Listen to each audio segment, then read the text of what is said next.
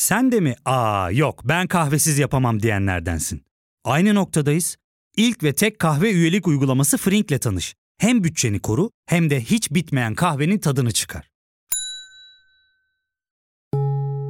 Yakınlarından terapinin onlara ne kadar iyi geldiğini dinlesen de kendin için bir şeylere başlamak zor geliyor olabilir. Ya da sevdiklerine yardım etmeye istekliyken kendi ihtiyaçlarını görebilmek. Hayvel, uzman psikologlarıyla kendi ihtiyaçlarını bulmanda sana destek olacak. Terapi yolculuğuna başlamak için detaylı bilgi bölümün açıklamalarında. Herkese merhaba. Bu kaydı 3 Ekim'de alıyoruz. Yaz aylarının bitmesiyle birlikte gündem de hareketlenmeye başladı. Geride bıraktığımız hafta eğlence niyetine linçlediğimiz Dilan Polat Türkiye'nin önemli gündemlerinden biri oldu. Türkiye'de böyle asalak tüfeğli bir sınıf türedi. Zaten daha önce de konuşmuştuk böyle sonradan görme bir anda zenginleşen. E tabi mide bulandırıyorlar. Hele ki bu yoksulluk ortamında bu enflasyon ortamında. Ama izin verin oturup Dilan Polat'ı konuşmayalım. Geçiyorum izninizle. Bir diğer gündem başlığımız malumunuz CHP. Dört genel başkan adayı var. Yakında da İstanbul kurultayları olacak. Bu genel başkan adaylarından biri zaten Genel Başkan Kılıçdaroğlu. Favori de o. Benim de favorim o. Favorim o derken ya onun kazanmasını istiyorum anlamda söylemedim. Muhtemelen Kılıçdaroğlu'nun kazanacağı bir kurultay yaşanacak diye düşünüyorum. Geri kalanlar Özgür Özel, İlhan Cihaner ve Örsen Öymen. Bunlar arasında da en güçlüsü Özgür Özel gibi görünüyor. Yani Kılıçdaroğlu karşısındaki ikinci en güçlü aday Özgür Özel. Ama İlhan Cihaner'in ve Örsen Öymen'in diğer iki adaydan daha sahici çıkışları olduğunu düşünüyorum. Yer yer sizlere bu isimlerin eleştirilerini aktarmaya çalışacağım. Çünkü daha köklü, daha ideolojik eleştirileri var. Çünkü hem değişimci grubundan değiller hem de genel başkanın yanında değiller. İkisine birden çatıyorlar. Mesela İlhan Caner Kocaeli kurultayında şunları söylemiş. Kadrolara baktığınız zaman Cumhuriyet Halk Partisi'nin kadrolarında Türkiye Odalar Borsalar Birliği'ni görürsünüz.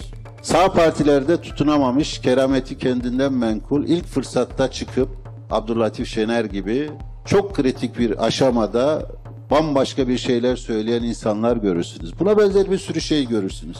Ama emekçi göremezsiniz.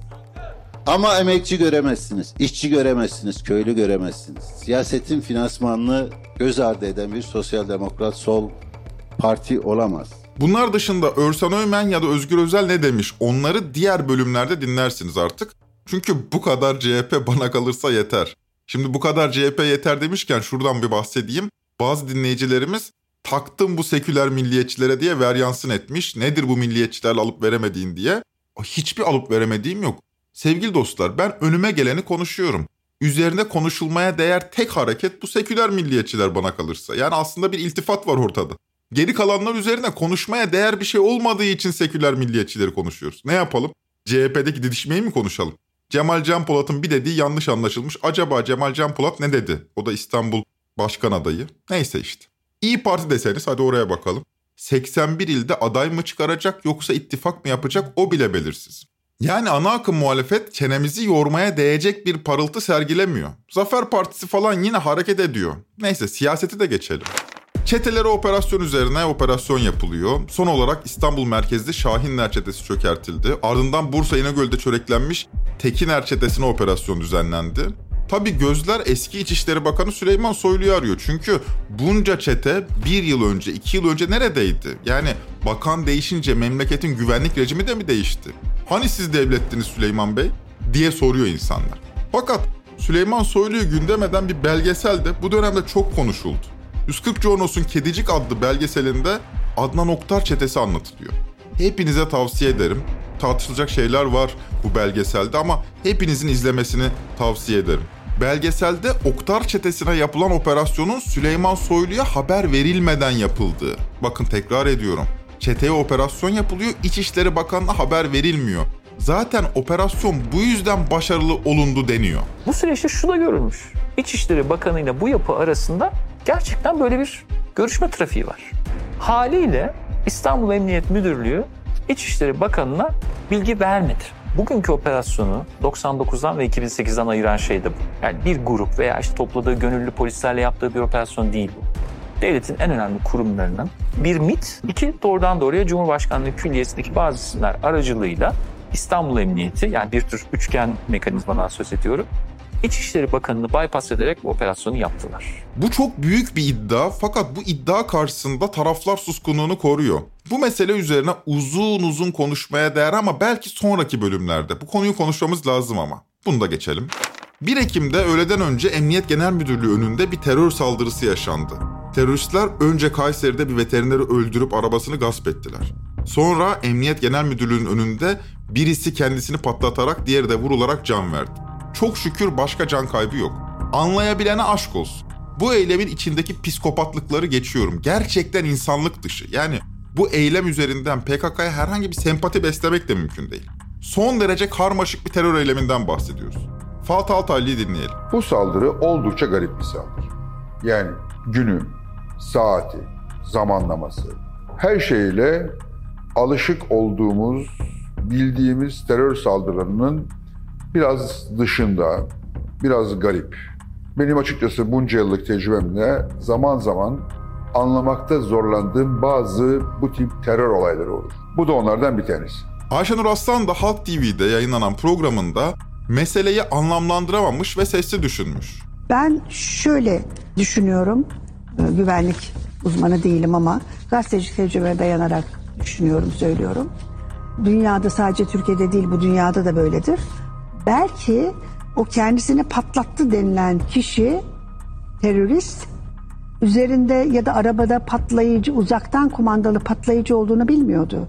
Çünkü o kadar manasız ki gelip hiçbir şey yapamadan hiçbir şey yapamadan efendim bir işte PKK'lı teröristin öcünü alıyorlarmış. Yahu hiçbir şey yapamadan ölünmez. Hiçbir şey yapamadan ölünmez ifadesine tetiklenen Ayşenur Aslan haterları Ayşenur Aslan tutuklansın hashtagini trend topik yaptı. Ayşenur Aslan'ın ne dediğini anlamış, keşke bir şeyler yapabilseydi bu teröristler diye bir anlam çıkarmışlardı. Yani bu eylemin sanki başarısız olmasına hayıflanıyormuş gibi bir anlatı sunuluyordu sosyal medyada. Buna karşılık Rütük Başkanı Ebu Bekir Şahin bu ahlaksız terör sevici zihniyete ve ekranlardaki bu ucube yorumlara tahammül etmemiz mümkün değildir dedi. Ardından İstanbul Savcılığı Aslan hakkında soruşturma açıldığını duyurdu. Tüm bu esnada sosyal medya linci de devam ettirildi ve bu kayda aldığımız dakikalarda Ayşenur abla gözaltına alındı. Daha sonra öğrendik ki çıkartılmış. Bu bölümün konusu aslında Gezi davasına verilen Yargıtay kararı olacaktı. Fakat Ayşenur Aslan'ın gözaltına alınması ve Yargıtay kararı arasında da bir bağ var. O yüzden her ikisini de inanç, akılsızlık ve yalancılık bağlamlarında konuşacağız. Biraz felsefe yapacağız, biraz sabır diliyorum o yüzden. Aristo'yu anacağız biraz, oradan Arendt'e değineceğiz. Ben Ozan Gündoğdu, hazırsanız başlayalım.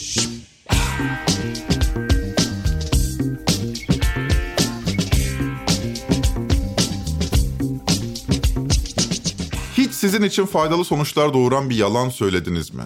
Beyaz yalanları, olumsuz sonuç doğurmayan yalanları hepimiz söyleriz. Hatta bazen bu yalanlar bize söylenir, anlarız ses etmeyiz. Mazur görürüz yani. Yalancıya hak veririz. Çünkü yalan, söyleyene bir çıkar sağlar ve bu nedenle gündelik hayat yalanlarla doludur. Yalancı bir faydanın peşindedir. Yalanı benimsemek tabiri caizse kazançlı bir seçenektir. Dolayısıyla somut çıkarlar hakikate sadakatten daha ağır basar. Yalan avantajlıdır hakikat karşısında. Gündelik hayat içinde hakikate sadık kalmak çoğu zaman bedel ödemeyi gerektirir. Fakat yine de, yine de daha faydalı olsa dahi yalan söyleyeni ayıplarız. Yalanın ortaya çıkması, yalancının da yüzünü yere eğen bir gelişmedir. Çünkü yalan faydalıdır da bu fayda yalancı için geçerlidir. Yalana maruz kalan, aldatılan için değil. Dolayısıyla yalancıyı sevmeyiz. Ama yine de yalanlar hakikate ilişkindir. Zira hakikat de yalan da akıl süzgecinden geçerek kavranabilir. Her doğru olmayan, hakikate değmeyen her hikaye yalan değildir. Bu dediğimi tekrar edeyim. Hakikat olmayan her hikaye yalan değildir. Bunlara örnekler verelim. Yani hakikat olmayan bazı hikayeler anlatacağım size bu bölümde. Fakat yalan olmayacak bunlar. Bunu detaylandıracağım. Mesela Konya'da Tahir Büyükkörükçü Camii'nin imamı Seyfullah Akyiğit vaazında bir dolu şeyden bahsetmiş. Bu bahsettikleri içinde bir tanesi var ki sosyal medyada trend topik olmuş, çok ciddi tepki almış. Sosyal medyada ne denmiş, ne tepki çekmiş önce bir dinleyelim, bakalım neler demiş imam. Hatay depremi oldu biliyorsunuz. Orada hoca kardeşlerimiz bizzat yaşadıkları olayı şöyle anlatıyorlar. 3-5 hafta geçti. Cenazeleri yıkıyoruz. Tabi cenazeler kokmaya başladı. İçinden bir tane cenaze çıktı. Hiçbir pis koku yok. Hatta içinden böyle mis gibi koku geliyor. Allahu Ekber şaşırdım. Hepsi kokmuş cenazelerin ama içinden birisi mis gibi kokuyor. Araştırdık kim bunun yakını. Sorduk Suriyeli bir kardeşimizmiş diyor. Bu hayattayken ne iş yapardı bu kardeşimiz? Dedi ki diyor bu tam bir peygamber aşığıydı. Resulullah'a naat yazardı, şiirler yazardı. Gece gündüz dilinde Resulullah'ın aşkı eksik olmazdı. Allahu Ekber. Görüyor musunuz? Şimdi imamın niyetini bir okuyalım. Niyet okumak yanlış bir şey ama yine de yapalım. Muhtemelen diye bekliyoruz. İşte bu yükselen sığınmacı karşıtı harekete karşı bir vaaz vermiş. Bak Suriyeliler mis gibi kokuyor falan diye. Fakat bu hoca efendinin dedikleri yalan mıdır? Şimdi hepinizin yalandır tabii doğru mu diyecek bu falan dediğini duyar gibiyim. Yalan ifadesine olumsuz duygular yüklüyorsunuz diye, imamın dediği de sizi tetikledi diye, imama yalan söylüyor dememeliyiz. İmamın dedikleri doğrudur demiyorum. Bunu altın çizeyim ama yalan da değildir. İzin verin açıklayayım. Yalan akılla kavranabilir. Basit Aristocu mantığı işletelim ve felsefeci Ahmet Aslan'la Fatih Altaylı'nın diyaloğuna kulak verelim. Eğer bütün insanlar ölümlü ise, eğer Aristoteles de bir insansa, evet, O da öyle. işte bunu bize söyleyen şey, söyleten şey, bu geçişi, bu muhakemeyi yaparak bu sonuca varmamızı sağlayan şey aklın kendisi. Ne dedim? Yalan akılla kavranır dedim. İşte akıl dediğimiz zaman öyle alelade bir akıl değil, mantıklı, metodik düşünen bir akıldan bahsediyorum. Şimdi biraz önce dinlediğiniz imamın hikayesini Aristocu bakış açısıyla ele alalım. Hatay'da ölen Suriyeli bir insandır. İnsanların ölünce cenazeleri kokar. O halde Hatay'da ölen Suriyelinin de cenazesi kokmuştur. Zihnimiz yüzyıllar boyunca bize öğrettiği örüntü algısını böyle çalıştırır. Ama kokmamış. İmam diyor ki mis gibi kokuyordu. Bizim mantığımızda mı bir sorun var? İmam mı yalan söylüyor? Şimdi bu mantıkla imama yalancı dersek alacağımız cevap bellidir. Ne diyecek? Sen Allah'ın varlığına ve birliğine, Allah'ın mucizelerine inanmıyor musun? Ne diyor? İnanmıyor musun? Öyle diyecek. Ne oldu? Tıkandık kaldık. Dolayısıyla inanç karşısında akıl elma ile armut gibi. Birbirleriyle didişemez, birbirleri rekabet edemez. Bu soru bize akıl çemberinin dışına çıktığımızı gösteriyor. İnanmıyor musun diyor. E inanmıyor. E o zaman konu kapandı. Çünkü inanma işinin kendisi akılla kavranamaz. Üstelik inanana ilişkin de inandığımız bazı şeyler var. Yani bu imama ilişkin de olumlu ya da olumsuz duygularla dolu zihnimiz. Haliyle örüntü algımız bu duygular nedeniyle de manipüle oluyor. Ne demeye çalışıyorum? Şimdi kafamızı yine çalıştıralım. Müslümanlar yalan söylemez. İmam da bir Müslümandır. O halde imam yalan söylemez. Ne yaptık? Kafamızı çalıştırdık ama bunu işimize geldiği gibi, duygularımızın yönlendirdiği gibi yaptık ve imam yalan söylemez. O halde Suriyelinin cenazesi mis gibi kokuyordur gibi bir sonuç çıkardık. Dolayısıyla imama inanırken kafamızı çalıştırdık yani ama sonuçta inandık. Yani inanç meselesine aklı karıştırmıyoruz zaten. Cenazenin kokmadığını iddia eden kişi Seyfullah Akyiğit alelade bir safsatanın sahibi değil. Müslümanların yoğun olarak yaşadığı bir ülkenin cami imamıdır ve İşte müminin en önemli özelliklerinden biri doğru sözlü, güvenilir, emniyetli bir adam olmasıdır. Müslüman doğru olur. Müslüman dürüst olur, güvenilir olur. o halde imam doğruyu söylemektedir. Zaten sorunumuz bu inanç meselesiyle ilgili. Müslüman zaten doğası gereği doğru söylemek üzere vardır. Nitekim imam da doğruyu söylediğini düşünmektedir. Birinden duymuştur, ona inanmaktadır. Yani imamın da aldatma kastı olmadığını varsayıyorum. Bu nedenle imama yalan söyledin diyemiyoruz. Ama şu da var. İmama da Müslüman olduğu için güveniyor diğer Müslümanlar. Bu nedenle dediklerine inanıyor. İnanıyorun altını çiziyorum. Ama imamın anlattıklarına yalan diyemiyoruz da akıl mantık süzgecinden ele aldığımızda buna doğru demek de mümkün değil. Burada aklın devre dışı kaldığı bir başka şey devreye giriyor. Yani inanç. Bu noktada inanmak sadece uhrevi olana dönük olmayabilir. Yani illaki dünya dışı bir şeye inanmak zorunda değilsiniz. Fenerbahçe'ye inanabilirsiniz, Galatasaray'a inanabilirsiniz, CHP'ye inanabilirsiniz, MHP'ye veya sosyalizme inanabilirsiniz ya da Atatürk'e inanabilirsiniz. Atatürk'e inanan gençlik, Atatürk'ün mücadelesini veren gençlik umutsuz olamaz, muhakkak kazanacaktır. Bu inançlarınız da dünyevidir diye akıl çerçevesinin içinden kavranamaz. Bu inançtır. İnanç yanlışlanamaz. Dolayısıyla bilimsel değildir. Doğru olabilir ama sadece tesadüfen doğru olabilir. Mesela ben sosyalist bir düşünceye sahibim, Atatürkçü bir düşünceye sahibim, MHP'liyim, CHP'liyim. Bunun doğru olduğunu düşünüyorum. Birisi de CHP'ye inanıyor. İnanması tesadüfen doğrudur. Bir şeyin yalan olabilmesi için yanlışlanabilir olması gerekir. Nitekim bilim ile din arasındaki temel çelişki de bu. Bilim yanlışlanabiliyor, din ise yanlışlanamıyor. Hadi yanlışlayayım ama dediklerini. Akıl dile gelmemiş ki nasıl yanlışlayacaksınız? Adam diyor ki cesedi kokmuyor bunun. Ne yapacaksınız? Nasıl yanlışlayabileceksiniz? Dolayısıyla bilim çok daha mütevazidir. Din ise son derece yüksekte konumlar kendini. Saygısızlık etmek istemem. Kelimelere duygular yüklediğimizin farkındayım. İmamın söylediklerine de inanmak mümkün. İnanabilirsiniz. Yani inanana kızamayız. Ama bunu yaparken aklınıza ihtiyaç duymazsınız. Akıl süzgecinden geçirmezsiniz. Samimiyetle söylüyorum. Her toplumda inanışlar var. Bunlara saygı duymak durumundayız. Yani yapacak bir şey yok. Bunlarla tartışmak, onları tenkit etmek faydasız. Çünkü inanıyor. İnanç. Ya inanırsınız ya inanmazsınız. İmam doğruyu söylemese bile yalancı değil. Çünkü yalan, tekraren söyleyelim, akılla kavranır. Her ikisi de bilinçlice dile gelir. İyi bir yalan, akla ihtiyaç duyar. Cem Yılmaz'ın gösterisindeki şu parça gibi. Yalan söyleyebilmek çaba gerektirir. Hiç yalana ihtiyaç yok ki. Bana nasıl her şey serbest. Kız çocuğu öyle değil. Bak bakayım odasında mı? Bak bakayım nereye gitti? Aman dışarı mı çıkıyor? Verin kuzenleri yanına falan filan takip edelim. Şöyle mi yapıyor? Ne yapıyormuş? Falan filan takip takip takip. Kız da hep bunların farkında. Mekanizma çalışmaya başlıyor. Bahane, ne bileyim mazeret. Çalışıyor kafa. Neredeydin kızım? Borcularla ders çalışıyordum babacığım. Ama taytım onlarda kalmış. Şimdi bu bu mekanizmayı 3 yaşından beri çalıştıranla 28 yaşına kadar hiç o mekanizmaya dokunmamış adam aynı olur mu? Dini mitolojik anlatılara yalan diyemiyoruz. Peki ya komplo teorileri? Burada daha farklı bir perspektif var. Dünya düzdür diyor mesela. Düzdür çünkü diye başlıyor. Orada aklını çalıştırarak belli gerekçeler üretiyor.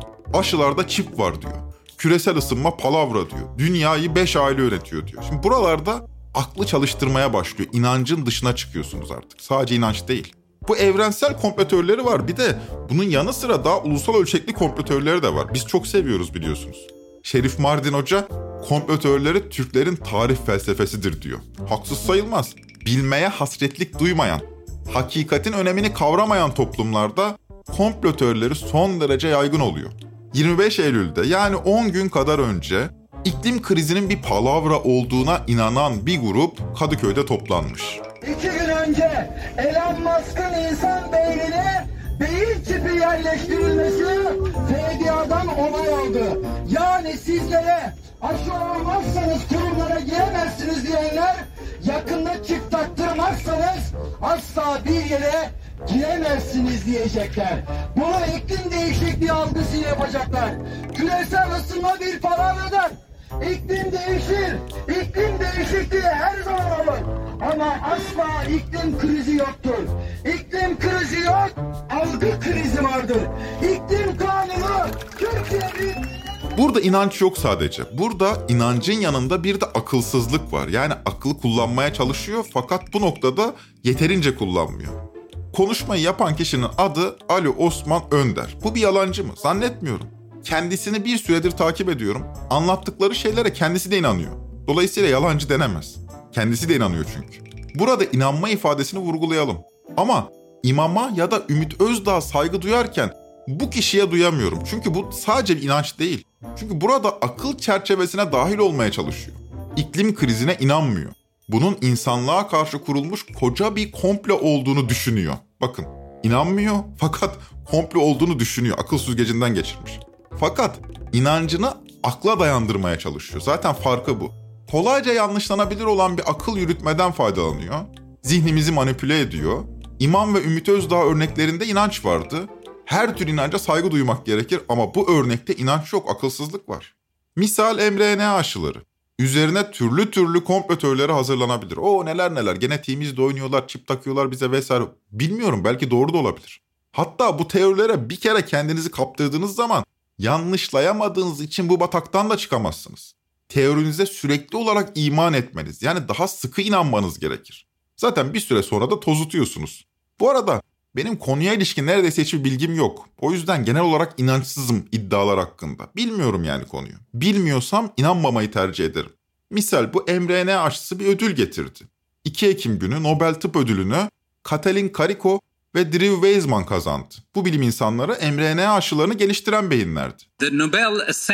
Karolinska Enstitüsü'ndeki Nobel Meclisi bugün koronavirüse karşılığı mRNA aşılarının geliştirilmesini sağlayan keşifler için Katalin Kariko ve Drew Weissman'a Nobel Fizyoloji ve Tıp ödülünü vermeye karar verdi. mRNA aşıları ile ilgili çok sayıda komplo teoriniz varsa burada Aristocu mantığı çalıştırarak teorinize Nobel'i de ortak edebilirsiniz. mRNA aşıları kötüdür. Nobel Tıp Ödülü mRNA aşılarına verilmiştir. O halde Nobel de kötüdür. Burada kötüdür yerine başka kelimeler de kullanabilirsiniz gibi. Şimdi buraya kadar çok felsefe yaptık. Özür dilerim sizden. Bundan sonra yalanı konuşmaya başlayacağız. Kısa bir mola.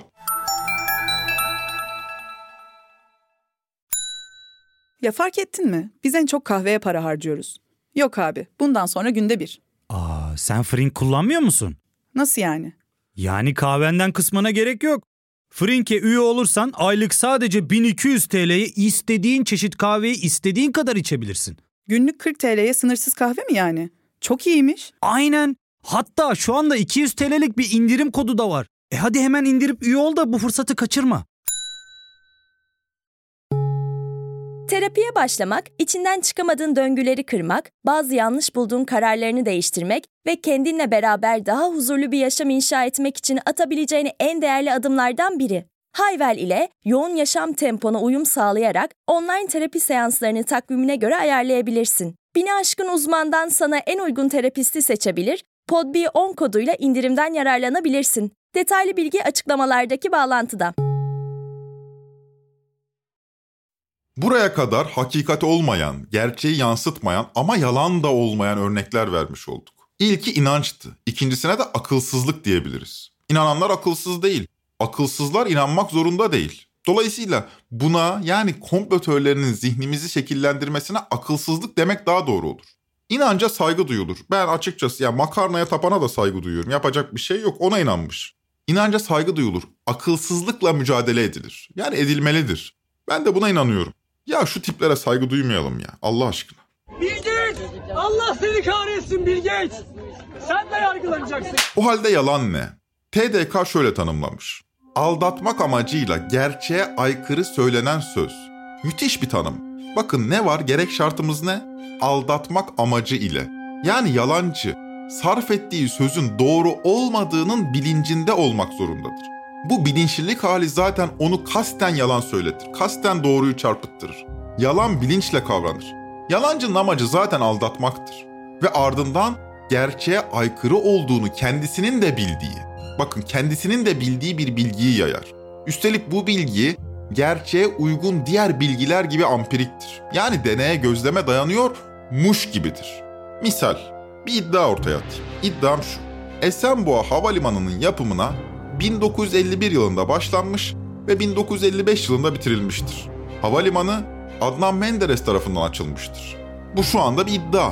Fakat buna bilgi muamelesi yapmamalıyız. Kaynaklar ortada.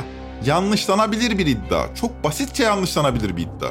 Dolayısıyla doğru bilgiyi olmaya aday ama önce bir teyide muhtaç ve kaynaklara bakıyorsunuz. Evet, iddia doğru. O halde bu doğru bir bilgi. Peki bu ne? Ankara'daki havalimanını kim yaptı ya?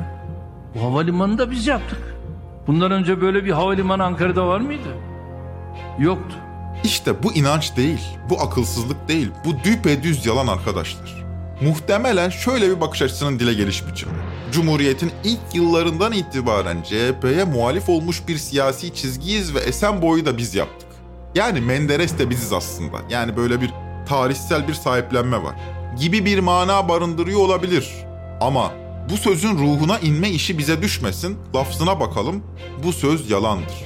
Fakat meselemiz bu yalanı teşhir etmek değil. Yalan olduğunu siz de biliyorsunuz. Yani burada Erdoğan'ın buna benzer açıklamalarını anlatacak değilim.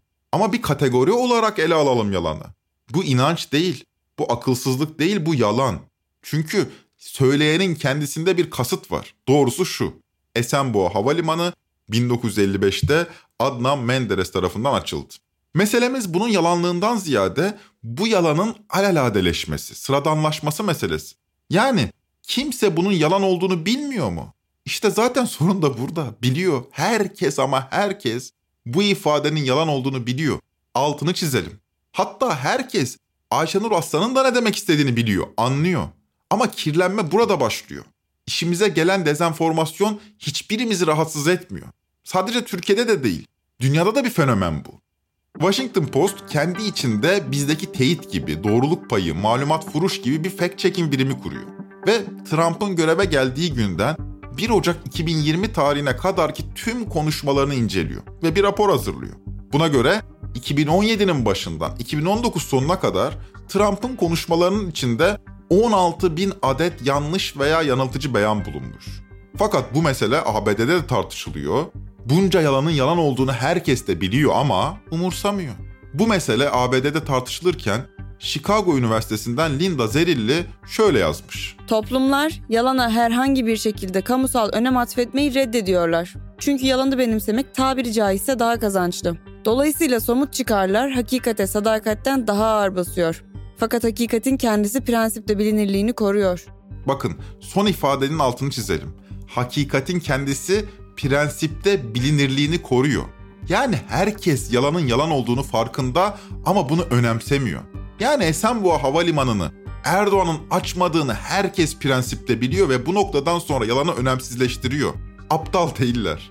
Çıkarlarını ön plana çıkarıyor ve diyorlar ki evet ne olmuş yani yalan söylüyor ama bizi savunuyor. Mesela şunun yalan olduğunu bilmiyor muyuz? Kabataş'ta bir kızımız yanında bebeğiyle çok çirkin bir saldırıya maruz kalıyor. Polise gidiyor. Şikayette bulunuyor. Biliyoruz bunun da yalan olduğunu ama prensipte biliyoruz. Herkes biliyor. Fakat burada bir çürümeyle karşı karşıyayız. E ne olmuş yani diyor. Hatta bazen öyle bile demiyor. Yalan olduğunu bilmesine rağmen yalanı reddediyor. Hayır diyor doğru söylüyor. Yalan söylüyor ama bizi savunuyor. Bu noktada bana kalırsa iktidarın bu yüzünü en net görebildiğimiz isim Mehmet Metiner. İslamcıların 80'li 90'lı yıllardaki altın çağlarından yetişen Metiner, mesela kardeşim şu başörtülü bacıma saldırıldığı görüntüler ne oldu ya sorusuna şöyle ustaca bir cevap veriyor. Kabataş'ta o başörtülü genç kızımıza yapılan o iğrenç, namert saldırıyı hala Cumhuriyet Halk Partisi dahil Cumhuriyet Halk Partisi'nin arka bahçesi olarak görülen bir kısım kadın dernekleri bile e, eleştiri konusu yaptılar. Emin olunuz ki şu an kameralardaki o görüntüler elimizde. O görüntüleri Türkiye toplumuyla paylaşsak ya bu iktidarın sorumluluk duygusuyla alakalı çok daha farklı gelişmeler olabilir. Bu cevabı geçmişte vermiş 2014 yılında. Yani görüntüleri izledim ama inanın demekle kalmıyor. İnanın demiyor bakın. Sadece inanın dese iyi. Öyle dese gerçekten bir miktar saygımı hak ederdi yani. Koydum gövdemi karşıma inanın kardeşim. Ama ne yapıyor? Aklı devreye sokuyor. Diyor ki görüntüleri izledim size izletmiyoruz çünkü infial çıkar. Sorumluluk duygusuyla hareket ediyoruz ve görüntüleri izlettirmiyoruz. Yani müthiş bir yüce gönüllülük. Ardından yıllar geçiyor, şartlar değişiyor. Fakat akıl yürütme biçimi değişmiyor. Yalan olduğu herkes tarafından anlaşılınca bu sefer de sorumluluk almıyor. Her İslamcıda olduğu gibi asla sorumluluk almıyor. Suçu başkasına atıyor. Evet, bir yandan da hangisi doğru onu da şu anda... Ben izlediğimi söylemedim mesela. Ama katıldığım televizyon programlarında bu görüntülerin var olduğunu söyledim. Niye var olduğumu da açıkladım. Çünkü biz İktidar Partisiyiz. Biz emniyet müdürlerimizi ararız, ilgili birimlerimizi ararız, sorarız. Deriz ki bu görüntüler var mı? O dönemin paralel müdürleri bu görüntülerin elimizde olduğunu söylediler. Biz de meğer namert olduklarını bilmeden onların söylemiş oldukları söze itibar ederek evet bu olayın görüntüleri var dedik. Ben dedim ben. Gerçek böyle itiraf edildi. Ben izlediğimi söylemedim. Ama izlediğini söyleme yalanı üzerinden bir algı oluşturmaya çalıştığımızsa bugün tırnak içinde gerçeğini açıklıyorum. Üzerinden de başka bir algı, başka bir operasyon yapılmak isteniyor. Bence İsmet Berkan kalemini kırsın bundan sonra gazetecilik yapmasın. Adam suçu İsmet Berkan'ın üzerine attı ya. Bu meseleyle ilgili çok uzun konuşulur ama daha önce de söylemiştim. Bu meselede dezenformasyonun ana kaynağı gazeteciler değil, bizzat devletti. İktidar demiyorum çünkü bürokrasiden kişiler gazetecilere elimizde görüntüler var doğrudur diye teyit etmişti. Bu gazeteciler de bürokratların beyanlarına inanmış ve doğru bir bilgiye kavuştuklarını düşünmüşler. Dolayısıyla evet gazeteciler kusurluydu fakat dezenformasyonun kaynağı devletti. Bu başörtülü bacı meselesinde. Fakat belki de bir kısmı yani gazetecilerin bir kısmı direkt yalancıydı. Belki de kasten yaptılar. Bile bile, bile isteye, doğru olmadığını bilerek aldatmak için. Bilemiyoruz. Neyse ama bugün bu bilginin doğru olmadığını, bir kısım insanın bu konuda yalan söylediğini, bir kısım insanın akılsızlık ederek buna inandığını herkes biliyor ama önemsemiyor. Bu yalan ve siyaset meselesi üzerine uzun uzun aklını çalıştırmış düşünürlerden biri Hannah Arendt. Şu meşhur Kötülüğün Sıradanlığı kitabının yazarı. Solcular pek sevmez çünkü faşistlerle sosyalistleri totaliterizm başlığı altında eşitliyor Arendt. Arendt'in Totaliterizmin Kaynakları kitabında siyaset ve yalanın bir araya gelmesinin asıl tehlikesini şöyle ifade ediyor. İdeolojik coşku ve siyasi yalanlardan daha büyük sorunumuz, herhangi bir şeyin doğru veya yanlışlığına hükmedebilen müşterek dünyanın aşınmasıdır. Bu ifade çok önemli. Ortak değerlerimiz yok oluyor. Bunu siz de görüyorsunuzdur. Bizi bir arada tutan değerler aşınıyor. Mesela yalan söylemek eskiden daha ayıp sayılırdı. Yalanınızın ortaya çıkması yüz kızartıcı bir meseleydi. Hukuksuz değildi fakat toplumsal olarak ayıplanırdınız. Bu ayıplanma halinden çekindiğiniz için yalana başvurmazdınız. Bu ayıpladığımız şey bizim müşterek dünyamızın sınırlarıydı. O sınır çok inceldi artık. İstediğimiz gibi lafı çarpıtabiliyoruz. İstediğimiz gibi hakikati bükebiliyoruz. Ortak değerlere sahip değiliz. Toplumsal bir çürüme yaşıyor gibiyiz. Buradan muhalifler de payını alıyor. Onlar da çürüyorlar. Toplumsal diyorum çünkü bu çürümeden hiçbirimiz artık kendimizi uzak tutamayız. Sadece iktidar tabanı değil, aynı şekilde geri kalan herkesi bizi de içine alıyor. Biz de hakikatle kurduğumuz ilişkiyi inceltiyoruz. Bizim de işimize gelen yalanlar oluyor. 28 Eylül Perşembe günü Yargıtay 3. Ceza Dairesi Gezi davasındaki kararını açıklamak üzere bir araya geldi. Bu toplantıdan çıkan karar inanç, akılsızlık ve yalancılık üzerine daha çok düşündürtüyor. Yargıtay 3. Ceza Dairesi 8 sanıklı Gezi Parkı davasında Osman Kabala'ya verilen ağırlaştırılmış müebbet hapisle yine Türkiye Partisi'nden milletvekili seçilen Can Atalay, Tayfun Kahraman, Mine Özer'den ve Çiğdem Mater Utku'ya verilen 18'er yıl hapis cezalarını onadı. Osman Kavala, Türkiye Cumhuriyeti hükümetini ortadan kaldırmaya teşebbüs suçundan ağırlaştırılmış müebbet, geri kalanlarına Türkiye Cumhuriyeti hükümetini ortadan kaldırmaya teşebbüse yardım suçundan 18'er yıl. Yargıtay o kadar ileri gitmiş ki bu yardım suçunu da eleştirmiş. Aslında diyor Kavala ile diğerleri arasında bir özne yardımcı ilişkisi yok. Bunlar birbirinden bağımsız olarak aynı suçu işliyorlar. Hepsine ağırlaştırılmış müebbet vermek lazımdı da aleye açılmış temiz davası yok. Yani temiz davası açılsa hepsine ağırlaştırmış müebbet verecek Yargıtay. Sevgili dostlar, ola ki 15 Temmuz'dan sonra meydanlardan yükselen idam çığlıkları gerçek olsaydı bu kişiler şimdi idam cezasına çarptırılmış olacaklardı. Yani bayağı önemli bir karar veriyorlar aslında. İdam veriyorlar. Mahkemede kalem kıracaklardı. O halde hakikate en ufak şüphe götürmeyecek ölçüde bir netlik olması gerekir böyle bir kararda. Çünkü şunu iddia ediyorsunuz bakın. 2013 yılının Haziran ayında Türkiye'nin 81 ilinde resmi verilere göre 7-8 milyon insan sokaklara döküldü ve bunun sorumlusu bu 6 kişidir. Olabilir. İddianameler kötü olabilir. Çok saçma iddianameler tanık olmuşuzdur. Fakat mahkeme zaten bu iddianameyi tartmak için var. Böyle bir iddianame ilk derece mahkemesinden döner. Nitekim de öyle oldu.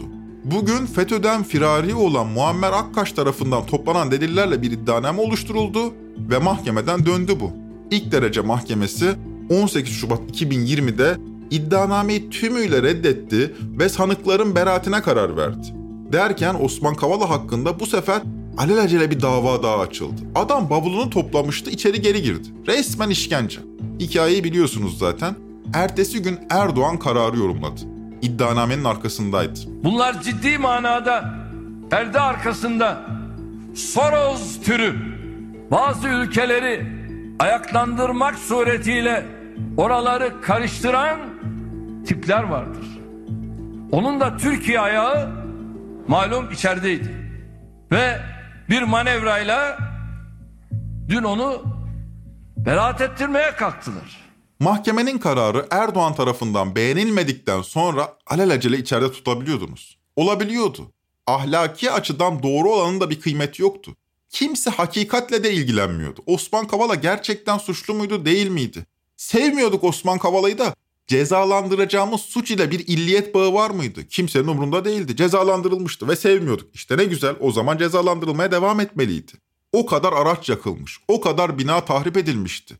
O halde tüm bu işlerin bir sorumlusu olmalıydı. Çünkü ancak bu sayede bunca başarısızlığın bir bahanesi yaratılabilirdi. Gezi olayları yüzünden bu haldeydik. Onlar yüzünden yüzlerce milyar zarara uğradık. Onlar kim? Bizzat 7-8 milyon insan diyemeyeceğinize göre, doğrudan halkınızı karşınıza alamayacağınıza göre, halkınıza savaş açamayacağınıza göre size bir sorumlu lazımdı. Bütün bu olaylar boyunca 46 kamu binası ile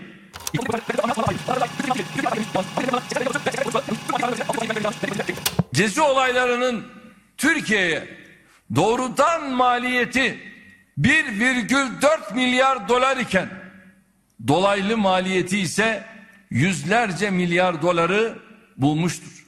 Faizler ilk defa gezi olaylarıyla tırmanmaya başlamış. 4,6'dan 13 küsüre ulaşmıştır. Bunların sayesinde. İlk derece mahkemesi delillerin hukuk dışı yollardan toplandığını, geri kalan delillerin ise iddiayla doğrudan ilgisi bulunmadığına hükmediyor. Yani ne demek bu? Şöyle izah edeyim. Karar Gazetesi'nden Yıldıray Oğur titiz bir çalışma yapmış. 657 sayfalık iddianamede 101 cümlede anlaşılmıştır. 97 cümlede anlaşılmaktadır gibi somut delillerden çok kanaat bildiren ifade tespit etmiş. Bu dediğimi gazeteciler çok daha iyi anlayacaktır. Sıkıştığınız noktada haberinizde bir veri eksikliği var ise somut delil üretemiyorsanız burada kanaat bildirirsiniz. Gazeteciler bunun nasıl yapıldığını bilirler. Mahkemede savcı da böyle yapmış çok ilginç. Ama sonuçta mahkemede beraat ettirmiş. Peki mahkeme başkanının başına o gece neler geliyor? Beraat kararını veren Mehmet Galip Perk'in başına gelenleri 2 Ekim'de İsmail Saymaz Sözcü'de anlatıyor. Sözcü TV'de de yazısını anlatmış. Bence okumanızı tavsiye ederim yazıyı ama yine de buradan dinleyelim. Biraz uzunca sabır göstermenizi rica ediyorum. Lütfen İsmail Saymaz'ı dinleyelim. Bu akşam adliye birbirine giriyor. Yani bu kararı veriyorlar. Hakimler evlerine doğru giderken telefonları acı acı çalıyor onların. Adliyeden çok yüksek bir yetkili kendilerini arıyor. Siz ne yaptınız? Nasıl böyle bir kararı verirsiniz diyor mahkeme başkanı Mehmet Galip Perke. Ve diyor ki derhal geri dönün Kavala'yı ki henüz o saatte tahliye olmasına rağmen salı verilmemiş yani beraat kararı verilmesine rağmen Kavala tahliye edilmemiş cezaevinde eşyalarını topluyor. Arayan yetkili Galip Berke diyor ki derhal adliyeye dönün Kavala'yı tutuklayın diyor. O da diyor ki ya beraat kararı verilmiş bir insan hakkında ben tutuklama kararı vermem diyor. Bunun üzerine yetkili çabuk gelin savcı itiraz edecek ve siz de tekrar tutuklama kararı vereceksiniz diyor. O da ben beraat ettiğim, salı verdiğim kişiyi tutuklamam. İtiraz ederseniz reddederim diyor. Ve adliye dönüyorlar. Bu arada bir üst mahkeme yani onların reddetmesine karşılık itirazı görecek olan 31. Ağır Ceza'nın heyet üyeleri de apar topar gece yarısı geliyorlar. Savcı geliyor. Fakat Mehmet Berk itirazlarını sürdürüyor. Böyle yaparsanız hukuku içe sayarsınız diyor. Bunun üzerine başka bir formül buluyorlar. O da şu. Gezi davasındaki kararı bozmuyorlar. Yani o aşamada onunla ilgili bir işlem yapmıyorlar ama Osman Kavala'nın daha önce tutuksuz yargılandığı, tutuklanıp bırakıldığı, delil yok diye bırakıldığı Büyükada'ya da 15 Temmuz soruşturmasından tekrar tutuklanmasına karar veriyorlar. Bu aşamadan sonra bence sözün sonuna gelinmiştir.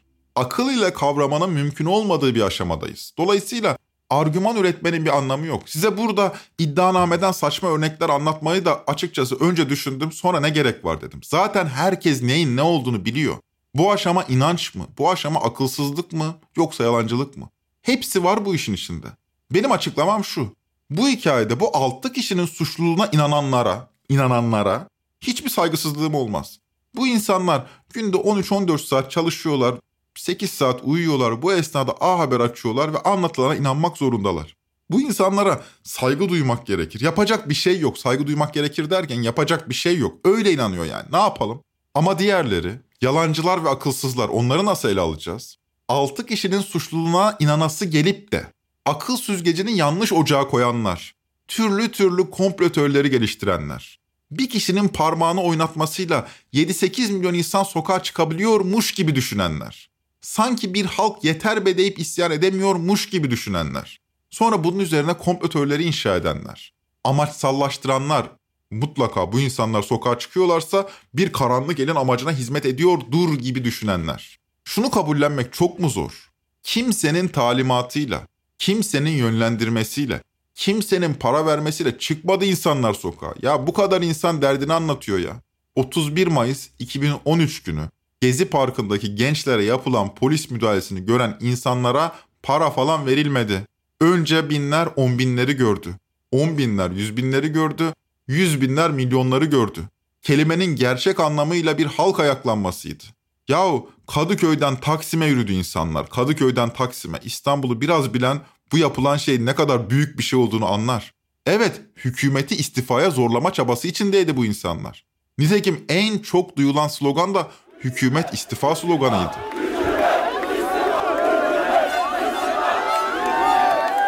Bu haliyle Türkiye Cumhuriyeti hükümetini ortadan kaldırmaya teşebbüs suçuysa istifaya çağırmak, evet milyonlarca insan hükümetin istifa etmesi için sokaktaydı. Nedenleri tartışılır. Geri planı anlaşılmaya çalışılır ama hakikat şudur. Hükümeti devirmeye teşebbüs diye bir suçtan illa ceza verilecekse bu ceza birkaç milyon kişiye verilmelidir. İşin hakkı budur. Çünkü dediğim gibi bu kadar insanın arzusu hükümetin istifa etmesiydi. Nitekim benzer hareketler dünyanın her yerinde görüyoruz. İşte Polonya'da şimdi çıkmış. İsrail'de bir aydır sürüyor. Ama bu kadar insanı cezalandıramayacağınıza göre kurbanlar bulmak durumundasınız. Çünkü siyasi iddianıza dayanak oluşturacak bir hukuki iddiaya ihtiyacınız var. Ve çıldıracak gibi olduğumuz noktada işte burasıdır. Herkes bu dediğimin doğru olduğunu, Gezi'den verilen cezaların bir tür günah keçisi arama çabası olduğunu, kararın hukuksuz olduğunu herkes ama herkes biliyor. Ama umursamıyor. İnananları ayrı koyuyorum. Bu yayını dinleyen Ayşenur Aslan'ın tutuklanmasını alkışlayan ya da Gezi'deki cezaları görüp gururlanan varsa eminim onlar da biliyor hakikatin ne olduğunu. Ayşenur Aslan'ın bunu demek istemediğini, Gezi'deki bu altı kişinin sorumlu olmadığını. Ama umursamıyor. Eğer gerçekten inanıyorlarsa suçlu olduklarına buna saygı duyuyorum. İnanç bu. Aklımla olaya müdahale edemem. Ki maalesef milyonlar bu durumda. Ben de diyorum ki bu kişileri yani inananları anlamaya çabalamalıyız. Fakat akılsızlarla yalancılarla mücadele etmeliyiz. Kendisi de Yahudi olan Hannah Arendt de bir Yahudi soykırımcısı Eichmann'ı anlamaya çalışmış. Ve bu yüzden çok eleştirilmişti. Bu anlamaya çalışma çabası bir tür empati yapma çabası bağışlamayla eşitleniyordu. Benim de başıma geliyor.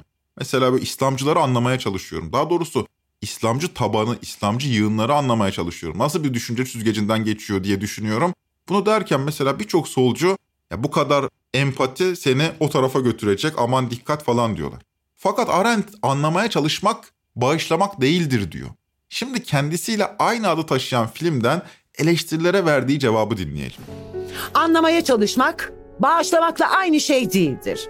Onu anlamayı bir sorumluluk olarak görüyorum. Bu konu hakkında bir şeyler yazan herkesin sorumluluğudur bu. Sokrates ve Platon'dan bu yana genellikle düşünmeye benlikle olan sessiz diyaloğa kendini kaptırmak diyoruz. Bir birey olmayı reddederek Eichmann o tek ve en belirleyici insani özellikten vazgeçti. Düşünebilme yetisi. Sonuç olarak da ahlaki kararlar alma yeteneğine sahip değildi. Bu düşünme yetersizliği bir sürü sıradan adamın dev bir ölçekte ve daha önce görülmemiş bir biçimde kötülük işlemeleri için imkan yarattı. Evet doğrudur. Bu meseleleri felsefi bir şekilde düşündüğüm doğru. Düşünce rüzgarının tezahürü gerçeklik değil. Doğruyu yanlıştan ayırma becerisidir. Güzeli çirkinden ayırt etmektir. Ve ben umuyorum ki düşünmek insanlara o bir anlık beliren kritik zamanlarda felaketleri önleme gücü verir. Düşünmenin sonunda varacağınız yol güzeli çirkinden ayırt etmektir. Yalan güzel değildir, hakikat daha güzeldir. Bunu aklımızla ayırt edebiliyoruz. Zihni berrak bir kafa bu meselede doğrunun ne olduğunu görecektir. Fakat maalesef ekseriyetimizin zihni artık berrak falan değil. Zihnimiz faşizm tarafından manipüle edilmiş durumda. Gezi hepimiz biliyoruz ki 3-5 kişiye sorumluluğu atıp kurtulacağınız bir mesele değil. Adıyla sanıyla bir halk ayaklanmasından bahsediyoruz. Öyle park falan için değil insanların niyetlerini okuyalım. Madem herkes Ayşenur Aslan'ın niyetini okuyor. Ben de Gezi'ye katılanların niyetini okuyayım. Dert gerçekten hükümeti istifa ettirmekti. Eğer varsa suçlu halktır. Buyurun kesin cezasını sesi? İşte bu halkın öfkesi. Olmayacak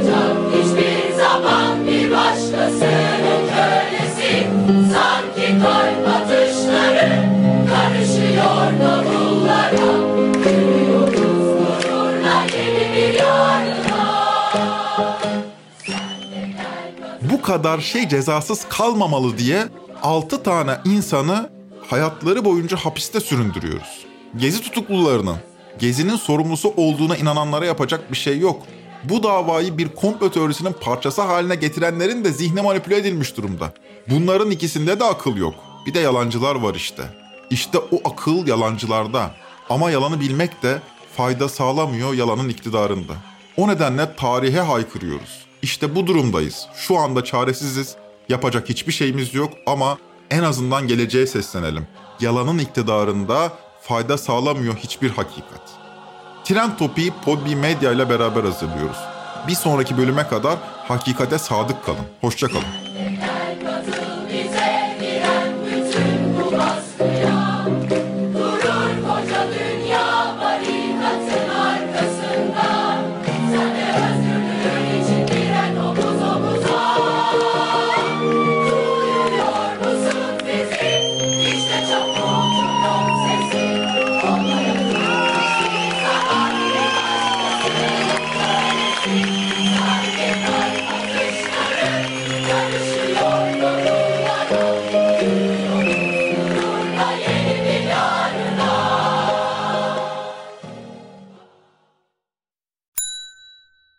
Ve tek kahve üyelik uygulaması Frink, 46 ildeki 500'den fazla noktada seni bekliyor.